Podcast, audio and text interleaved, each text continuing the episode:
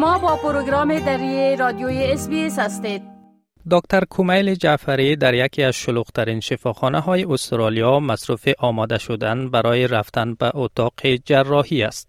این پناهنده هزاره که از کودکی رویای دکتر شدن و جراح شدن در سر داشت می‌گوید که احساس شگفتانگیزی دارد و نمی‌تواند آن را در قالب کلمات بیان کند.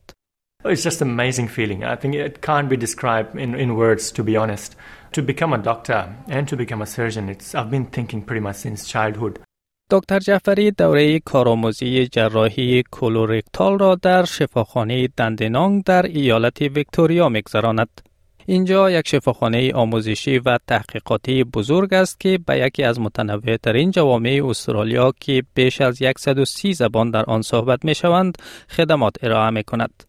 او می‌گوید که علاوه بر هزارگی دری و فارسی به زبانهای اردو و هندی نیز صحبت می کند و تسلط بر زبانهای مختلف باعث شده که بیماران اعتماد و رضایت بیشتری از خدمات آنها داشته باشند. What I speak at home is Hazaragi, which is quite similar to uh, another language that I speak, Dari. Uh, as well as Farsi. I think that's about three, four now, isn't it? And I can speak Urdu, um, which is spoken in Pakistan, and a bit of a Hindi as well, mainly spoken in India. Throughout my journey here at Monash Health, I've been providing uh, random interpretation for patients, you know, in six different languages. And what I've found that it actually it increases uh, and improves patients' trust, um, autonomy, as, as well as satisfaction. زندگی جدید او به عنوان یک دکتر در ملبورن یک جهان با محل تولدش در ولایت غزنی افغانستان فاصله دارد. او به عنوان یک کودک هزاره در افغانستان با موانع زیادی برای تحصیلات عالی روبرو بود. I was born a Hazara and uh, as we know uh, the Hazaras faced uh, a lot of persecution uh, back in Afghanistan. It was a tough life. Um, while I was very young, it's uh, there's some memories that have uh, really stuck with me. Uh, we lived in poverty, we lived in fear. Um, we were not able to get out of the house to pursue our dreams. Um, hence, there was this major setback for me to fulfill my dreams and to become a doctor. هزاره ها از جمله محرومترین گروه های قومی در افغانستان هستند. خشونت و تبعیض علیه این مردم از زمان بازگشت طالبان در سال 2021 شدت یافته است. کومیل اولین بار در کودکی یکی از نمونه های آزار و اذیت هزاره ها را تجربه کرد. او می‌گوید که کاکایش روزی از خانه خارج شد و جسد بیجانش به خانه بازگشت. و این باعث شد که حتی از بیرون رفتن از خانه ترس داشته باشد چه رسد به اینکه بعد دانشگاه رفتن فکر کند my uncle was shot dead. Um, so having our, you know, very close uh, members of our family uh, not coming home one day, uh, but and then coming home later, um, uh, but not being alive, uh, I think it's it's a major barrier to for anyone to step out of the house. If you are constantly being targeted, um, you have that fear always at the back of your head to even step out of the house. So let alone going to a university. وقتی پدرش به دلیل مریضی فوت کرد، مسئولیت سرپرستی از مادر و برادران کوچکترش به دوش دکتر جعفری افتاد. او 11 ساله بود که خانوادهش از افغانستان به پاکستان آواره شدند. اما می‌گوید که وضعیت برای هزاره ها در پاکستان نیز شباهت بسیاری به افغانستان داشت بنابراین به کمک اعضای خانواده اش که در استرالیا بودند توانستند از پاکستان نیز فرار کنند و در جستجوی یک آینده بهتر به استرالیا بیایند Again, it's, uh, it was very similar situation in Pakistan, just like uh, how it had been in Afghanistan. The uh, people of Hazara were still being targeted. some of my family members, like my grandparents, they were uh, already in Australia working in Mildura for a better future. Uh, and they were able to support us uh, in Pakistan to be able to escape and then come to Australia for a better future.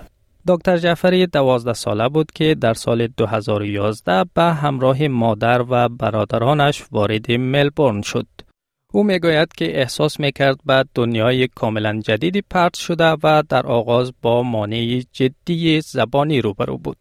اما در طول یک سال توانست آن موانع را پشت سر بگذارد و بتواند به انگلیسی صحبت کند. I felt that I was in a completely new world. So when I first came to Australia, I could barely speak any English. So I always had someone with me uh, in the classroom for me to be able to understand the content because they would translate, and they would help me understand what's written in English on the board. Um, so language was a barrier, but I got through that quite quickly. I think I was only about um, 12 months or 13 months in, and I was able to converse. آقای جعفری می‌گوید که در جریان یک سفر خانوادگی از محل زندگیشان در شهر ملجورای ایالت ویکتوریا به آدلاید برادرش به صورت تصادفی آبی جوش روی پای خود ریخت و کمبود دکتر در محل باعث شد که به شفاخانه در شهر آدلاید پرواز داده شود. این حادثه باعث شد آقای جعفری تصمیم بگیرد که تبابت بخواند و دکتر شود. We were going from Mildura to Adelaide for a short trip And on the way, we decided to, you know, take a stop, take a bit of a rest, and um, take out our traditional hot tea. Um, and unfortunately, my little brother dropped uh, boiling water on his lap. And being the only one who could speak English, I quickly had to search the GPS for the nearest hospital. There were limited doctors. So uh, we had to fly to Adelaide to a major uh, metropolitan hospital. There I saw, you know, what is really like working as a doctor. They were compassionate. They were giving everything, you know, they could do to help uh, treat my brother. جعفری در نهایت در رشته علوم صحی تحصیل کرد و در سال 2022 با مدرک لسانس از دانشگاه موناش فارغ و تحصیل شد. دکتر جیمز لیم یکی از جراحان در اداره صحت موناش می‌گوید که دکتر جعفری با مهارت‌های زبانی خود نقش حیاتی را در شفاخانه ایفا می کند. به گفته او بسیاری از بیماران وقتی به شفاخانه می آیند دلهوره دارند و اینکه دکتری بتواند به زبان خودشان با آنها صحبت کند تفاوت بزرگی ایجاد می کند. uh,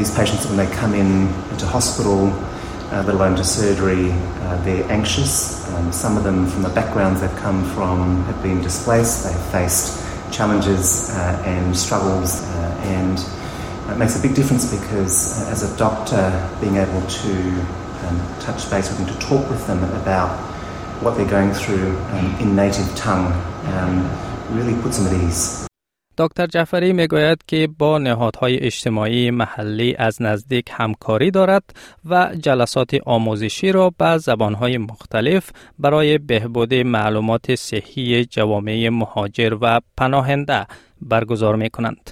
Working quite closely with some of the community organizations uh, to provide education sessions in uh, different languages for our refugee and migrant people. Uh, to be able to improve their health literacy and actually work on that primary prevention side of things rather than for them to come to hospital and then having us treat them. دندینانگ در جنوب شرق ملبورن یکی از متنوع ترین مناطق استرالیا از نظر فرهنگی است. 64 درصد از ساکنان آن در خارج از کشور متولد شدهاند. آوارگی، جنگ و خشونت برای بسیاری از آنها یک پدیده آشناست. راب کوش مشاور ارشد تعامل اجتماعی در صحت مناش است که در جنوب شرق ملبورن خدمات صحی دولتی ارائه می کند. او می‌گوید که آنها با مردمانی سر و کار دارند که با وجود سالها زندگی در استرالیا درک درستی از سیستم صحی ندارند یا تازه از راه رسیدند و دارای نیازهای بسیار بالا هستند. بنابراین با توجه به دشوار بودن یافتن مترجم داشتن دکتران چند زبانه مانند آقای جعفری می تواند این مشکل را به شکل شگفتانگیزی برطرف کند.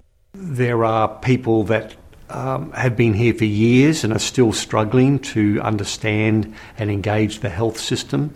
Um, and there are obviously people who have just landed who are uh, quite, um, you know, high needs in so many ways. So um, sometimes there can be a delay in getting an interpreter to the actual patient exchange. So, to have a doctor who can speak the language, um, it can, I guess, address those um, that uh, difficulty in uh, in a marvelous way.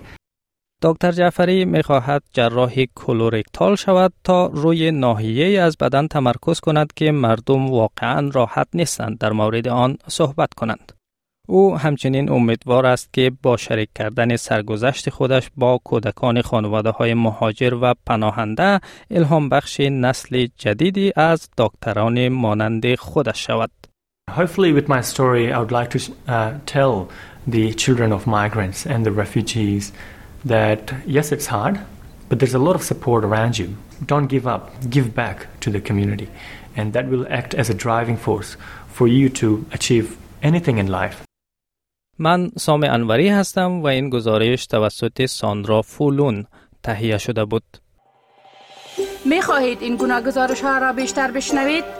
با این گزارشات از طریق اپل پادکاست، گوگل پادکاست، سپاتیفای و یا هر جایی که پادکاستتان را می گیرید گوش دهید.